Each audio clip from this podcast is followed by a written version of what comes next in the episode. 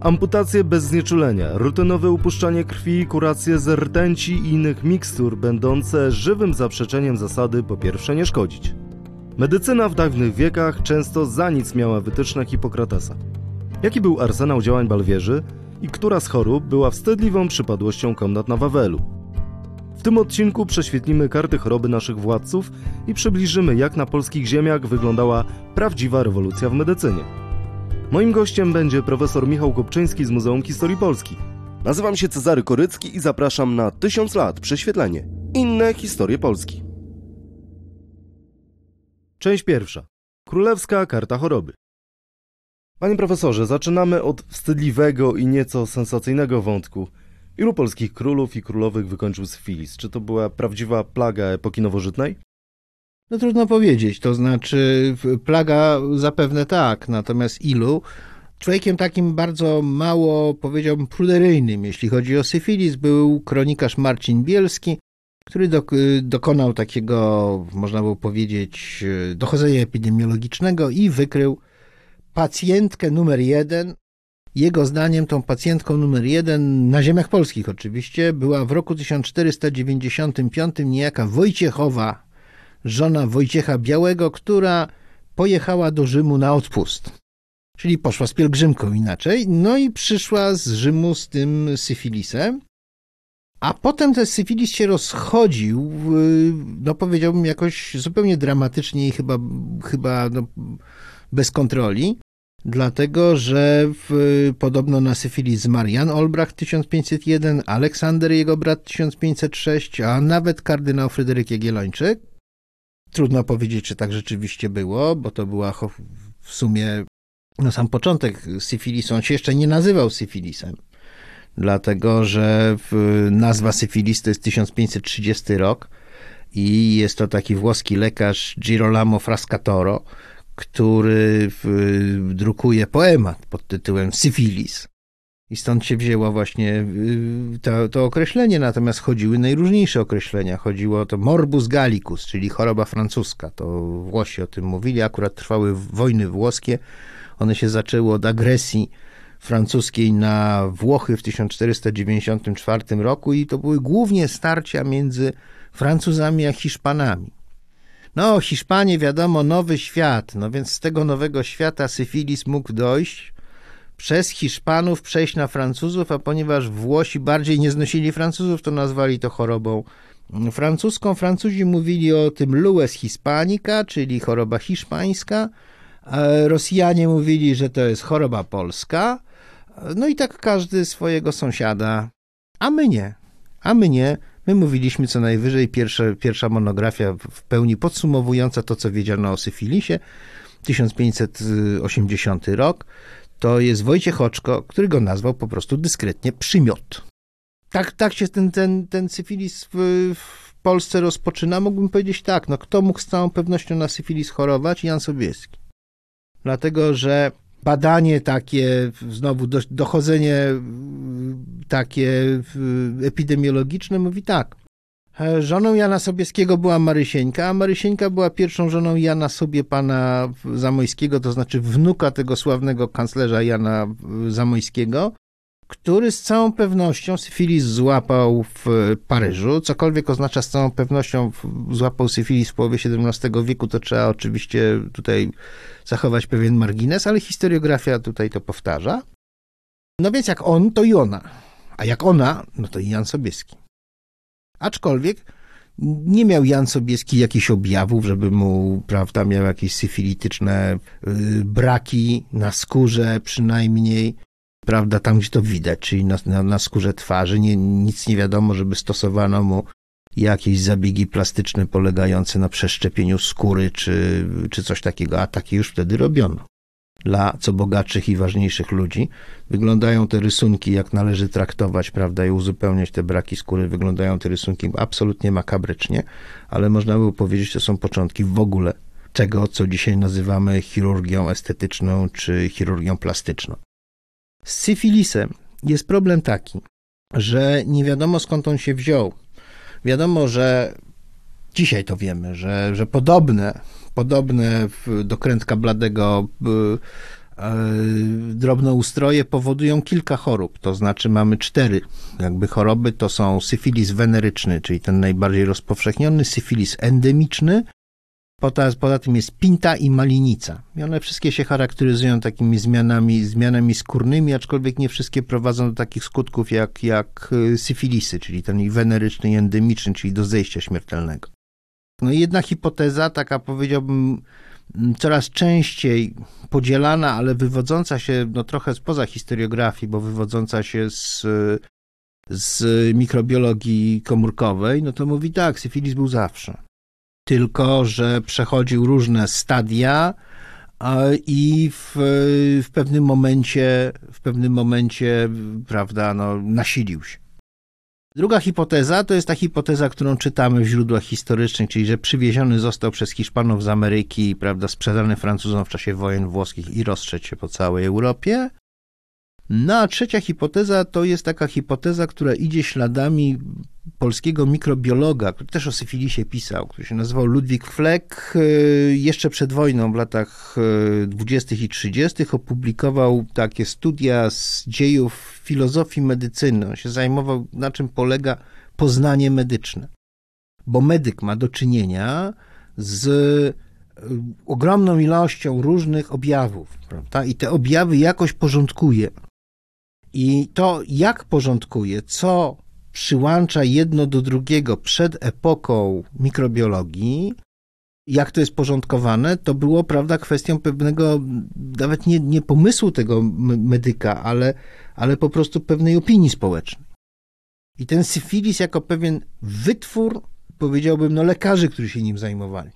Czyli nagle zwrócili uwagę, że taka pewne objawy są powodowane przez to, są powodowane przez rozpustę. Przez rozpustę. I teraz, jeżeli mówimy, że kardynał Jagiellończyk zmarł na syfilis, to my go oskarżamy o rozpustę, bo trzeba zdawać sobie sprawę, że tak, na ofiary dżumy patrzono z pewnym współczuciem, bo to była tragedia, na ofiary jakichś innych chorób też, trądu na przykład, a na ofiary syfilisa jak patrzymy, no to są ludzie, którzy ponoszą karę, za, powiedzmy sobie, swoją rozwiązłość.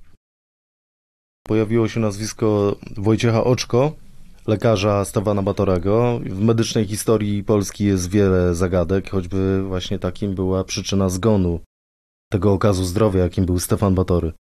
Co jeszcze do dziś jest największą tajemnicą królewskich medyków? No, jego podejrzewano, to znaczy zrobiono badania, dlatego że podejrzewano, że Stefan Batory został otruty. Bo się wydawało, że jest taki zdrowy i, i, i taki, prawda, czerstwy, a zmarł dość nagle.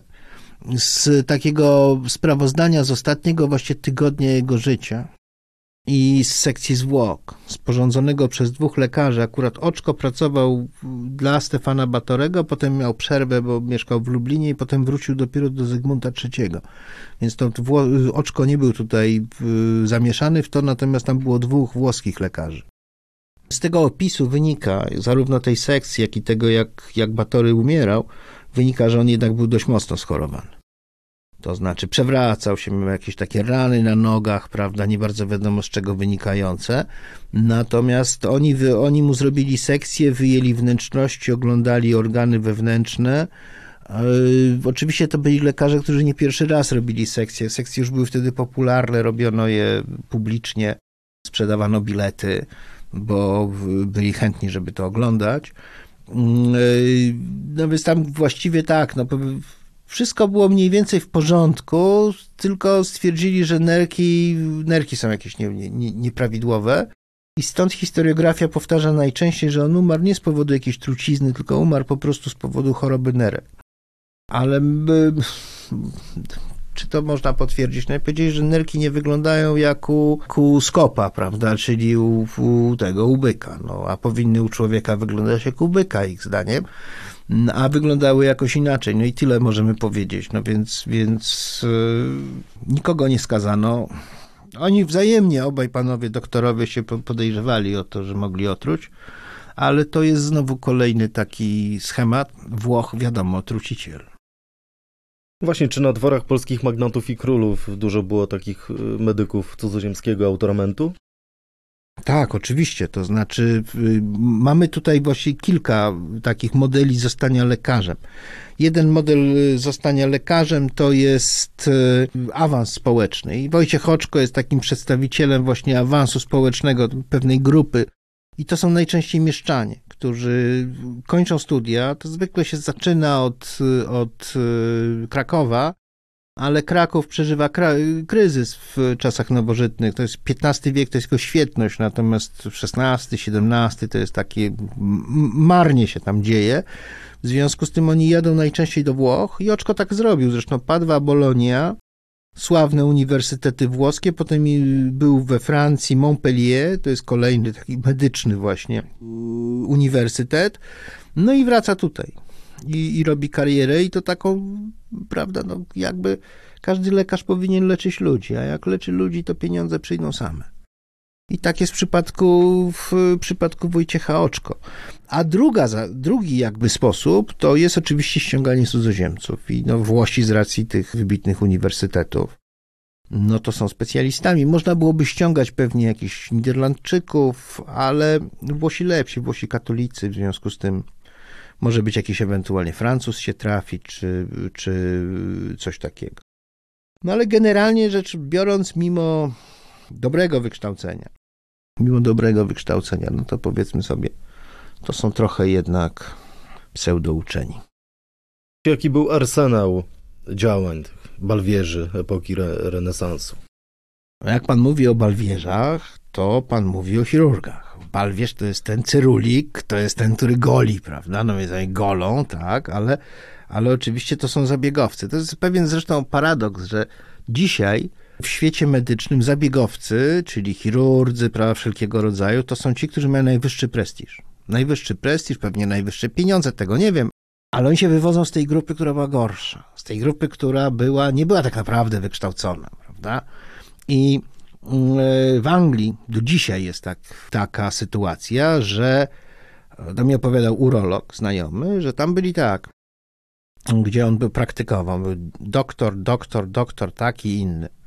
Natomiast główny facet od yy, zabiegowych miał tytuł mister. Jednak nie doktor, tylko mister. Chociaż on miał oczywiście doktorat, ale tradycyjny ten taki, no to tak, weźmy sobie, weźmy sobie naj, najwybitniejszych, jeśli chodzi o to, co oni tam, czym się posługują. No to w XVI wieku największą postacią jest Ambroży Paré. To jest Francuz, który się wywodzi z bardzo biednej rodziny. Nigdy się specjalnie nie miał okazji uczyć, bo nie miał na to pieniędzy, ale jego balwierzem był jego brat i on tego brata tam się trochę nauczył stał się jednym z największych w ogóle w dziejach medycyny chirurgów, dlatego że zauważył taką dziwną rzecz. Znowu wracamy do wojen włoskich. Masa ofiar na polu bitwy. Przychodzą chirurdzy i robią amputację, no bo co mogą zrobić? Są mistrzami amputacji, bo to jest amputacja, która jest robiona bez znieczulenia. To jest operacja, gdzie samo cięcie trwa, nie może trwać dłużej jak minuta. Czyli to jest naprawdę mistrzostwo, bo piłę trzeba użyć, prawda? Tego potem trzeba tą ranę jakoś zaopatrzyć. No i co się robi? Zaopatrzy się tą ranę, obetnie się kość i trzeba gorącym olejem polać, bo to podobno, szczególnie przy ranach postrzałowych, żeby nie było zatrucia organizmu, to trzeba to oprawić gorącym olejem. Większość oczywiście umiera po tym gorącym oleju. Ambroży Paré nie przewidział, że będzie aż tyle ofiar na polu bitwy i w związku z tym nie miał tyle tego gorącego oleju, więc na, na szybko przygotował nie ugotowaną, tylko zimną taką maść, w której wymieszał olejek różany, coś tam jeszcze i terpentynę. Następnego dnia zauważył, że o ile ci opatrzeni według wszelkich zasad medycznych, czyli gorącym olejem, prawie wszyscy poumierali, o tyle ci od tej terpentyny wcale nie. I to była wielka rewolucja. Oczywiście nie olejek różany tam pomógł, olejek różanko ładniej pachniało, natomiast y, pomogła terpentyna, która ma bakteriobójcze, ale w bakteriach nic nie wiedział. To jest to, co ma. Ambroży Paré ma jeszcze inny przyrząd. Mianowicie ma taki mały skalpel kieszonkowy. Mały skalpel kieszonkowy służy do nacinania dziąseł dzieciom ponieważ dzieci ząbkują i wiele dzieci w ogóle umiera, prawda? I jedną z przyczyn zgonów prawdopodobnie ówczesna medycyna mówi, jest ząbkowanie. No więc, żeby im pomóc to ząbkowanie, to nacinał dziąsła. To nacinanie dziąseł trwało prawie do końca XIX wieku. Była zresztą wielka dyskusja, czy to przypadkiem nie jest jakieś barbarzyństwo, może lepiej jakąś maść dać po prostu i już niech się, niech się te zęby, prawda, wytego. No ale to jest kolejne y, narzędzie Ambrożego Parę. No każdy chirurg oczywiście ma specjalny nożyk do puszczania krwi. Bo puszczanie krwi jest podstawową metodą działania medycznego, jak wiadomo od Hipokratesa w teorii humoralnej, prawda, są te cztery humory w ciele ludzkim, żółć, flegma, czarna żółć i krew i one powinny być w pewnej równowadze. Jeżeli nie są w tej pewnej równowadze, jak ktoś jest chory, to znaczy, że nie są w równowadze, to trzeba krew puścić. Najlepiej koło miejsca, które boli, nie w samym miejscu, które boli, ale obok tego miejsca. Puszczali ogromne ilości krwi. Muszę przyznać, że to było to było działanie no wręcz zabójcze. Dzisiaj też czasami się puszcza krew. Przy następujących chorobach: hemochromatozie, czerwienicy prawdziwej, porfirii. Więc nie są to jakieś choroby częste. A w tamtych czasach puszczano krew przy każdej okazji, a czasem w ogóle tak prewencyjnie, tak po prostu, dla poprawienia, poprawienia ogólnego zdrowia. No więc to naprawdę do Josefa Listera, do drugiej połowy lat 60. XIX wieku to byli rzeźnicy. I jeszcze bez tego znieczulenia, oczywiście. Nie, znieczulenie przynieśli stomatolodzy amerykańscy, dlatego że normalna opinia chirurgów do pierwszej połowy XIX wieku była taka: jak jest chirurgia, to musi być ból. I takim narzędziem widziałem, to było przerażające. W, w Londynie, w szpi, szpital świętego Tomasza, tam zachowała się sala operacyjna, taka XVIII-wieczna, i było trochę narzędzi chirurgicznych. I najbardziej przerażającym narzędziem to była laska. Chirurg nosił laskę ze sobą i tą laskę wkładał pacjentowi podczas operacji w usta, żeby, żeby nie przegryzł sobie języka, jak będzie krzyczał i ta laska była z takimi śladami nadgryzień. To, to, to był najbardziej przerażający z tych obiektów. Obok tego była oczywiście miska, w której chirurg mył ręce, po zabiegu, nie przed. I taki czerwony płaszcz, który zakładał, no po to, żeby się nie brudził, żeby go nie trzeba prać bez przerwy, prawda? Więc tak to, tak to mniej więcej wygląda. Do wymyślenia przez stomatologów, którzy stomatolodzy są zawsze bardziej skomercjalizowani, w związku z tym rywalizując o klienta, zachęcali tym, że robią te wyrywania zębów w sposób bezbolesny. I tak Horace Wells i William Morton. To jest dwóch takich y, w pierwszej połowie XIX wieku amerykańskich stomatologów, którzy zaczęli stosować znieczulenie. Morton nawet eter i to dość szybko przeszło do Anglii. Angielscy chirurdzy się zaczęli, przerzucili się na to od 1848 roku. I nagle się okazało, że operacja nie musi trwać minuty. Może trwać godzinami. Może na początku przesadzam z tymi godzinami, ale w każdym razie nie trzeba w minutę zrobić, a poza tym no, można otworzyć brzuch przyżyciowo, a nie tylko na sekcji zwłok. No i w ogóle można coś tam w środku naprawiać, o czym o czym wcześniej no, no to w ogóle było po prostu nie do, nie do pomyślenia. No i Joseph Lister, który, jak mówiłem, w 60. latach XIX wieku, po lekturze prac Pastera o, o fermentacji, zdał sobie sprawę, że trzeba wprowadzać zasady leczenia, on to nazywał leczenie antyseptyczne. To znaczy myć ręce przed, myć ręce w kwasie karbolowym, stosować nie jakieś podejrzane maści do, prawda, opatrywania po, po amputacjach, tylko właśnie specjalne opatrunki, też oparte najpierw na karbolu, bakteriobójczym. No i nagle się okazało, że śmiertelność pooperacyjna z 80% się zmniejszyła do procentu tylko 15%. O XIX wieku jeszcze e, za chwilkę porozmawiamy, ale w tym czasie stosowano jeszcze w medycynie takie panaceum staropolskie, czyli... Teriak to jest bardzo skomplikowana maść, złożona z, w najbardziej skomplikowanej wersji z 65 składników, która była wynaleziona podobno w starożytności. Mitrydates, król, sam się truł, a potem tym teriakiem się odtruwał. Bo to było, to było, to było, to było na, od, na odtrucie. Niektóre składniki to są takie jak mirra, cynamon, waleriana, szafran, agar, imbir, terpentyna, to jedyne działa. Ziele angielskie, proszek z krokodyla, do tego wino białe, a to wszystko trzeba tak mieszać, mieszać, mieszać, mieszać, żeby nabrało takiej konsystencji, jak mają na przykład powidła. Im więcej składników, tym drożej to kosztuje. Stosuje się na wszystko, leczy wszystko. Ja zajrzałem przed naszą rozmową do internetu, szukając trochę tych aura kure, bo to wiadomo, w internecie można kupić wszystko. Teriaku nie oferowali, ale oferowali mumio. Mumio to jest yy, łzy skalne, też nie wiadomo co, to znaczy to jest jakieś, jakieś takie dawne, dawne rośliny prze, przemacerowane, które się podobno zbiera i podobno leczą absolutnie wszystkich i na wszystko. W związku z tym, jeżeli chcecie Państwo wszystkich i na wszystko, można sobie kupić mumio. Naprawdę nie zalecam, bo to jest od starożytności te łzy skalne i mumio jest, jest, jest popularny. Nikomu jeszcze niczym nie pomogło, co za wyjątkiem poprawienia samopoczucia. Równie dobrze można byłoby wziąć róg jednorożca, marcepan, a jakże, można kupić w sklepie, podobno też leczy wszystko, no i mandragora. Ale mandragora do zastosowania nie jest taka prosta, ponieważ mandragora musi być, musi być e, hodowana pod szubienicą, żeby, prawda, ten tam wisielec nad tą wisiał, a poza tym trzeba ją umiejętnie wyrwać, bo trzeba przywiązać taką linkę w odpowiednim miejscu, a drugi koniec tej linki przywiązać do czarnego psa, którego się głodzi przez dwa dni, należy go podrażnić trochę mięsem i on wtedy to wyrwie. I wtedy mandragora zadziała. Naprawdę dużo lepsze, dużo prostsze są najbardziej nawet skomplikowane współczesne substancje yy, syntetyczne czy też e, leki biotechnologiczne. Naprawdę.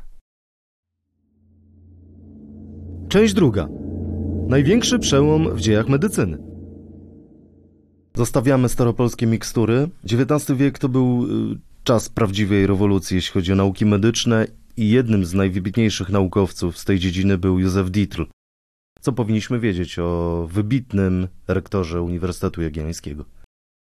Ja bym powiedział tak, że w XIX wieku dokonały się cała seria różnych rewolucji medycznych i to naprawdę, to nie jest tak, że że doszło do jakiegoś przełomu, a potem ludzie w tym przełomie prawda, coś tam rozbudowywali. Było cała seria różnych. Zaczęło się od takiej, od takiej powiedziałbym, negatywnej rewolucji.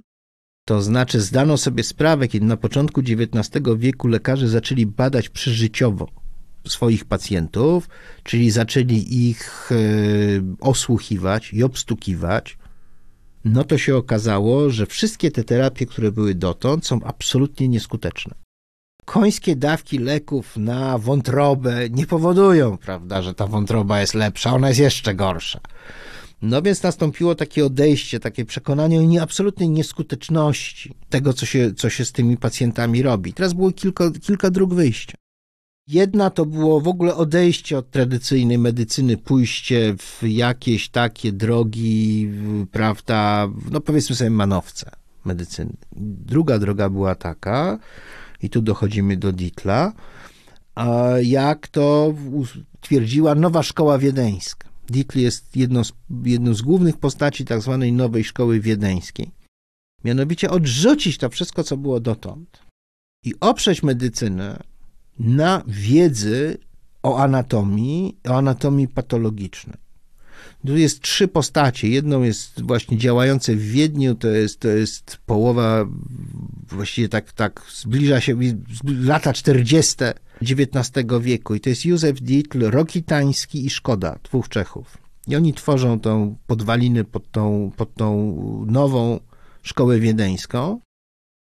Dietl wywodził się z bardzo zresztą ubogiej rodziny niemieckiej, to znaczy matka była Polka, Ojciec był e, Austriakiem, pracował jako taki bardzo drobny urzędnik.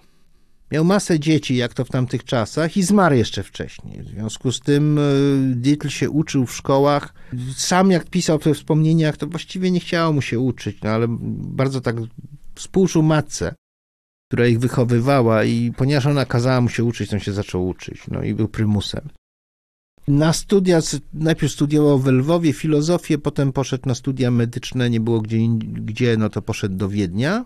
I tutaj wcale nie robił od początku kariery naukowej, to znaczy, to znaczy on pracował w różnych miejscach, był między innymi lekarzem policyjnym i opublikował taką rozprawę, to już, to już po doktorze, po doktoracie. On kończył studia z doktoratem, tak jak wielu medyków wtedy. Z taką książkę o, to się nazywało Praktyczne obserwacje dotyczące chorób w dystrykcie policyjnym Widen.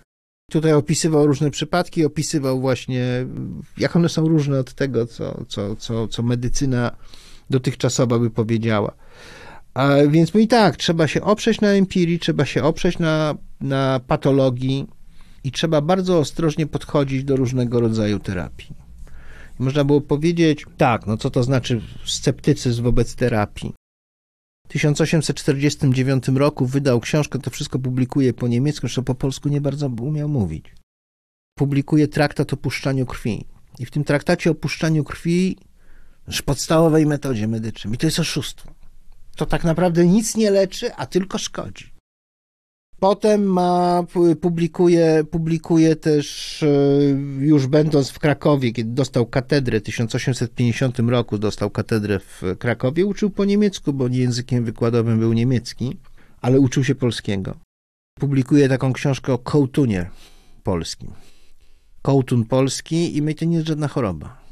To jest po prostu zwykły, głupi przesąd ani nie jest powodowany przez choroby, ani nie chroni przed żadnymi chorobami, jest po prostu przesądem, należy to zwalczać. Na takiej bazie, prawda, nie medycznej, tylko, tylko takiej bazie obyczajowej. Jak powiedziałem, uczy się po polsku, zaczyna mówić po polsku i w pewnym momencie zaczyna się domagać języka polskiego w, jako wykładowego na uniwersytecie, więc rektorem, zresztą zostaje rektorem w Krakowie. Władze wiedeńskie, to władze wiedeńskie decydowały, nie ma żadnych wyborów. Władze wiedeńskie uważały, że jak mianują takiego Austriaka, z Ostrudem mówi po polsku, a jest jednak bardzo znanym, y, uznanym lekarzem, no to będzie wszystko tak, jak powinno być, czyli po niemiecku. On się domaga, żeby było po polsku. To prowadzi do, ten konflikt wokół tego, znaczy trzeba zdawać sobie sprawę, jest 1859 rok, jest y, klęska Austrii w wojnie z Francją, to prowadzi do zjednoczenia Włoch, y, Austria jest osłabiona, i żeby jakoś, prawda, znaczy władzę zdaje, Franciszek Józef, cesarz, zdaje sobie sprawę, że musi wobec tych narodowości pójść na jakieś ustępstwo. Mianuje ministrem spraw wewnętrznych, czyli pierwszym ministrem, mianuje hrabiego Agenora Gołuchowskiego. Gołuchowski, jak się dowiedział o tym, że ma być ministrem, mówi, ależ najjaśniejszy panie, przecież ja jestem Polakiem. Na co mu Franciszek Józef rozbrajająco mówi, ależ Polacy to moi najwierniejsi poddani. Zmienia się klimat, no i oczywiście ten świat uniwersytecki z Ditlem na czele, i polski ma być językiem wykładowym, także na medycynie. Dochodzi od, właściwie tak, tam to jeszcze nie jest ten przełom, który miał miejsce po utworzeniu Austro-Węgier, po, po klęsce Austrii w wojnie z y, Prusami. No więc jest jeszcze walka wewnętrzna. Gołuchowski przez rok jest ministrem spraw wewnętrznych. Potem przychodzi Niemiec Schmerling, więc usiłuje te reformy cofnąć albo je ograniczyć. No i w 1865 roku dochodzi do konfliktu, który doprowadza do tego, że Dietl w ogóle zostaje usunięty na emeryturę z katedry profesora medycyny wewnętrznej w Krakowie.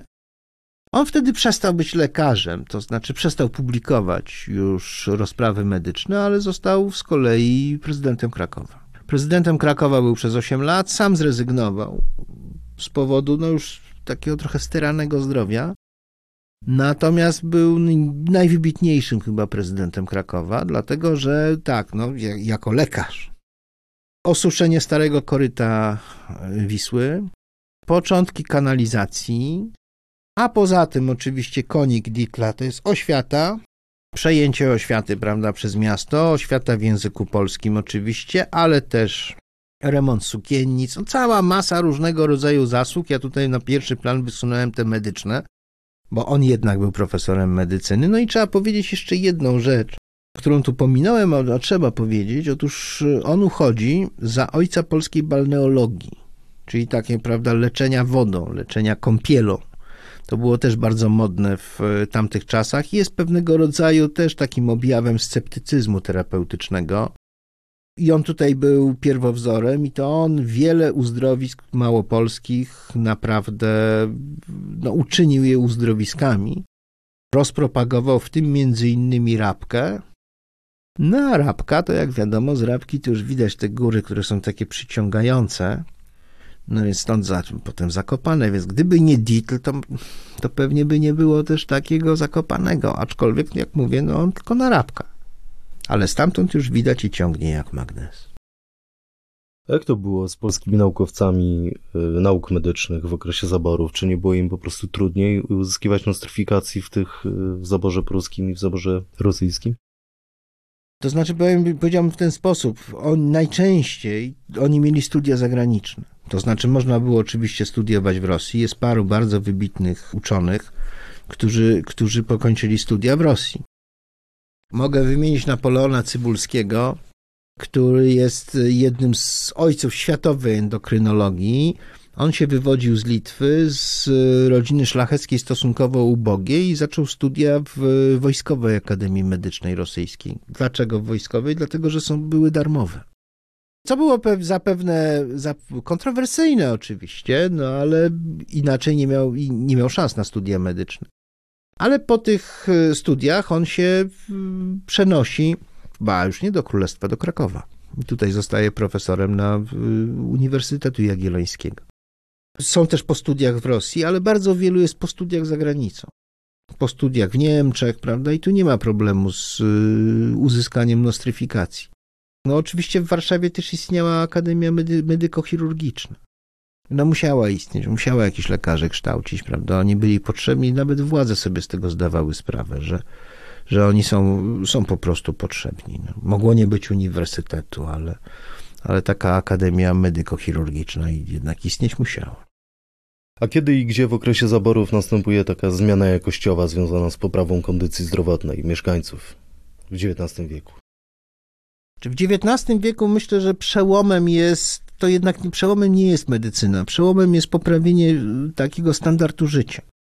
To jest rzecz najważniejsza i to widać y, no, chociażby po, po tym, po posturze ludzi. Po tym, jaką oni mają na przykład wysokość ciała, prawda? Są lepiej odżywieni. I to się zaczyna już począwszy w, właściwie na, we wszystkich częściach ziem polskich, począwszy od lat 60. XIX wieku, wraz z tym, jak się kończy, kończy się taki okres tych takich przednówków głodowych i kończą się wielkie, wielkie nieurodzaje. Nie, nieurodzają towarzyszyły różnego rodzaju choroby. Ludzie są lepiej odżywieni, no to są mniej, mniej łatwo padają ofiarami, ofiarami chorób. I to niezależnie od reform agrarnych, które mają miejsce, bo one mają miejsce w poszczególnych zaborach w różnych latach, no to w, w lata 60. wyraźnie we wszystkich trzech zaborach pokazują ten, pokazują ten, e, ten e, skok do góry. Więc myślę, że to jest pierwsza rzecz. To jest rzecz najważniejsza. Natomiast no, później się oczywiście pojawiają działania zmierzające też do poprawy takiej opieki medycznej. Ale trzeba sobie zdawać sprawę, że ta XIX-wieczna medycyna to właściwie jedyny, mogła działać tylko tymi metodami takimi propagowania higieny na przykład. Bardzo trudno było i to się nie udało ostatecznie w Królestwie Polskim wprowadzenie, wprowadzić yy, powszechne szczepienia przeciwko ospie.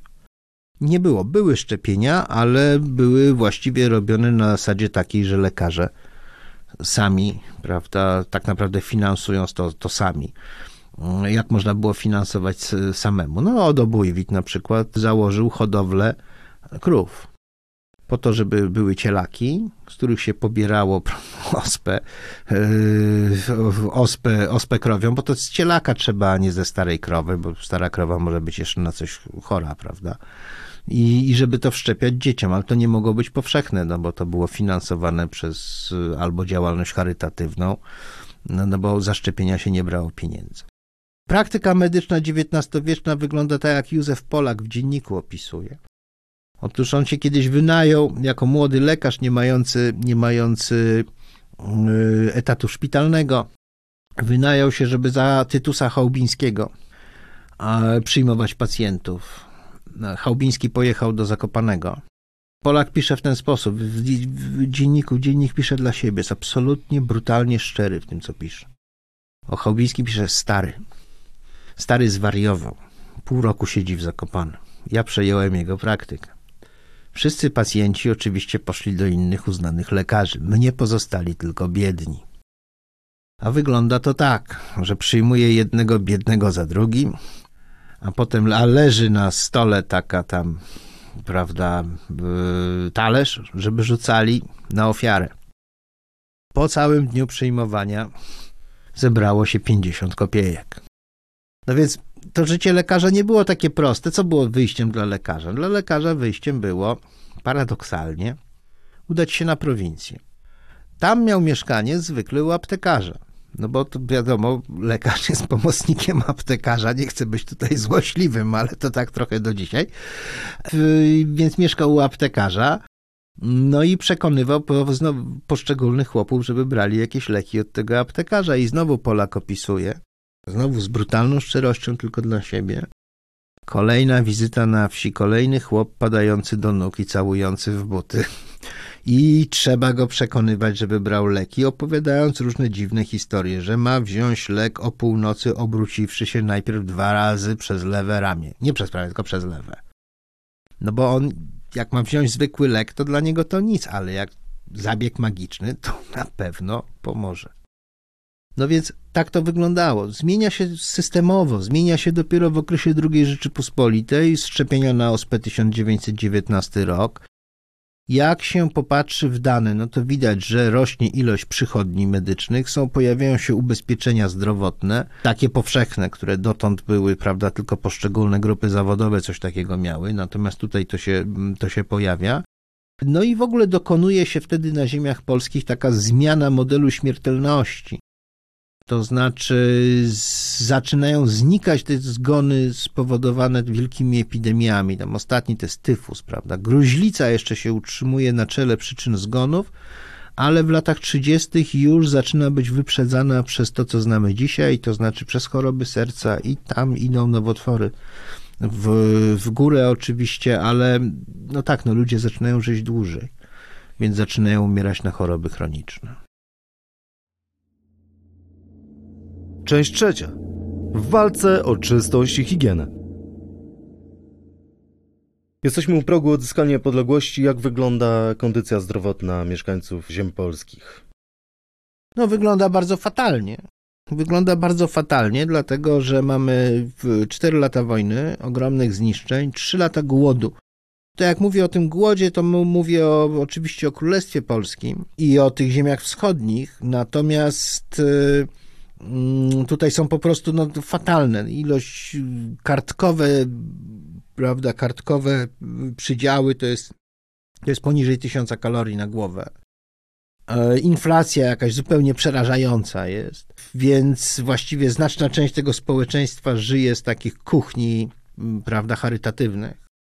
Ale wcale w Galicji nie jest lepiej, dlatego że w, w Galicji jest, prawda, różnego rodzaju rzace bo też brakuje żywności. Tylko wojsko ma żywność. A w zaborze pruskim jest może trochę lepiej, ale też nie najlepiej. No i do tego dochodzą tak, typowe choroby wojenne, tyfus, ogromna śmiertelność na tyfus, tyfus na, na froncie wschodnim, w ogóle generalnie, ale też na ziemiach okupowanych. Do tego dochodzi jeszcze no, sławna grypa Hiszpan. Także sytuacja jest absolutnie, absolutnie fatalna. Można było powiedzieć w ten sposób, no pierwszym takim krokiem jest wspomniany już przeze mnie uchwała sejmowa, która mówi o, o, o szczepieniu ospy. Natomiast budowa systemu ochrony zdrowia zaczyna się od e, właściwie tak, no, taki 23 rok mniej więcej. Hiperinflacja jeszcze wtedy się dopiero zaczyna, zresztą w ogóle całe to państwo zaczyna się budować dopiero wtedy, bo wojna, hiperinflacja ale, takie, urzędy skarbowe zaczynają wtedy działać, prawda? I wtedy też zaczyna działać jakaś zorganizowana opieka medyczna, no ale trzeba zwalczyć też pewny, pewny obyczaj, obyczajowy, taki brak higieny. Tutaj postacią, której nie można pominąć, jest Felicjan Sławoj Składkowski, premier w latach 36-39, wcześniej e, komisaryczny prezydent Warszawy przez krótki czas, a potem minister spraw wewnętrznych. A w ogóle zaczynał od tego, że w, za udział w rewolucji 1905 roku musiał uciekać, uciekł do Galicji i tam studiował medycynę. I był lekarzem w legionach. Zabraniał tym legionistom pić brudnej wody, żeby nie zachorowali na tyfus, e, jeść ulęgałek i tym podobnych. Wszyscy się z niego naśmiewali, jaki to on jest higienista. Jak mówił sam Sławoj Składkowski, jestem sam przeciwko 30 milionom.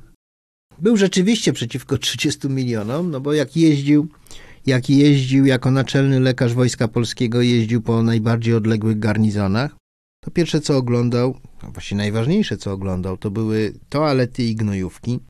Jak toalety i gnojówki były dobrze utrzymane, to wtedy lekarz e, garnizonowy mógł sobie wybrać garnizon, w jakim chce być. No więc dla niektórych przeniesienie powiedzmy gdzieś tam z Nowogródka do Łodzi czy do Warszawy to była duża rzecz dzięki Sławojowi Składkowskiemu. Ale kiedy Składkowski został ministrem spraw wewnętrznych, no to zaczął w, w dzienniku Ministerstwa Spraw Wewnętrznych zaczęły się pojawiać na dużą skalę różnego rodzaju rozporządzenia dotyczące warunków higienicznych. I tak na przykład na wszystkich targowiskach miała być bieżąca woda.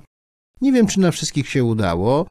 Ja pamiętam lata 90. w Polsce i naprawdę nie na wszystkich targowiskach była bieżąca woda. Więc to musiało trochę potrwać. Najsławniejszym oczywiście działaniem, znaczy tak, jeszcze zanim najsławniejsze działanie, żeby to nie, nie, nie, traktować go tylko tak anegdotycznie, bo to wcale nie była postać anegdotyczna. To była tak, walka z Jaskrą, ale lotnicze pogotowie ratunkowe to jest Sławoj Składkowski, bo on je powołał wtedy będąc ministrem spraw wewnętrznych. No i oczywiście ta najsławniejsza anegdotyczna sprawa, z której nie wiem dlaczego wielu Polaków się śmieje, bo to nie ma naprawdę z czego śmiać to są sławojki. Czyli to nie jest to, że się chodzi za róg, żeby, prawda, dokonać czynności wydalniczych, a naprawdę, proszę mi wierzyć, w XVI wieku Jan Zamojski wychodził z pałacu w Zamościu i szedł za róg, bo nie miał gdzie pójść. Może chodził do kominka też, tego nie wiem, ale, ale w każdym razie nie miał gdzie pójść. Otóż Sławoj mówi tak, w każdej miejscowości mają być publiczne szalety. Te budki, sławojki z tym serduszkiem takim, prawda, wentylacyjnym na drzwiach. Co więcej, on to kontrolował jeździł samochodem, objeżdżał kraj, nawet będąc premierem, to znaczy nie zawsze mu się udawało pojechać daleko, no ale wieczorem potrafił wychodzić z szoferem i to jedziemy, no to jedziemy gdzie? Do góry Kalwarii. A w górze Kalwarii opisuje rzecz straszną. Otóż pierwsza rzecz jedzie zobaczyć Sławojki. Sławojki stoją i wszystkie zamknięte na kłódkę. No więc woła burmistrza, z łóżka go wyciągam. Ja dlaczego Sławojki na, na, zamknięty na kłódkę? A no dlatego, żeby nie paskudzili. Prawda? Całkowite niezrozumienie. Inny przykład jest z Radzymina. Mianowicie pojechał też w czasie takiej wyprawy, żeby mm, sprawdzić jak łaźnia. Rozmawiał z łaziebnym. Łaziebny mówi, że mało kto przychodzi do tej łaźni. No i w związku z tym wezwał burmistrza, nakazał, że Rada Miejska ma chodzić do łaźni. I w ogóle wstęp na posiedzenia Rady Miejskiej tylko za okazaniem biletu z łaźni. Po czym po jakimś czasie znowu przyjechał, zapytał łaziebnego, jak jest, bilety kupują, ale kąpać się nie przychodzą. W związku z tym, no trzeba też pamiętać, że to jest walka, to nie tylko chodzi o pieniądze, prawda, coraz większe na służbę zdrowia. Trzeba też walczyć z głupimi zachowaniami ludzkimi. To też jest jedna z funkcji lekarzy. A jak wyglądały największe problemy ochrony zdrowia II Rzeczypospolitej? Pewnie pojawiały się już e, nowotwory, choroby cywilizacyjne. No tak, oczywiście, to znaczy to, to, są czasy, kiedy dokonuje się zmiana, jeśli chodzi, co się nazywa, demografowie mówią, że to jest tak zwane przejście epidemi epidemiczne. Na czele jako królowa pozostała gruźlica. W Ameryce to jest do początku XX wieku, gruźlica jest tak do około 1910 jest na pierwszym miejscu. W Polsce to jest tak do lat 30. jest gruźlica na pierwszym miejscu. Natomiast później miejsce gruźlicy zajmują, zajmują już takie choroby, które znamy dzisiaj, czyli choroby układu krążenia, oraz e, niżej, z mniejszą częstotliwością, ale rosnącą nowotwory. I one detronizują gruźlicę. I to są jeszcze czasy przed stryptomycyną.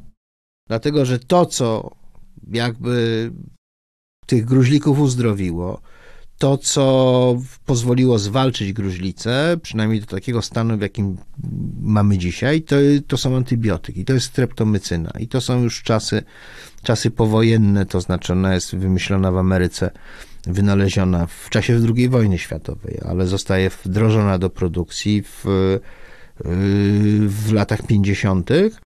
No, oczywiście tutaj bardzo ważna też, bardzo ważne jest, jest, mm, są inne antybiotyki, prawda? I to jest, e, to jest e, podstawa, ale to są już czasy po II wojnie, po II wojnie światowej. Przy czym, jak mówię, częstotliwość gruźlicy jako przyczyny zgonów zaczyna spadać już w okresie międzywojennym. Prześwietlenie. Inne historie Polski. Podcast Muzeum Historii Polski. Podcastów 1000 lat prześwietlenie wysłuchasz na YouTube, Spotify, Google Podcast, w audiotece, a także na innych platformach podcastowych. Chcesz być na bieżąco? Subskrybuj kanał Muzeum Historii Polski.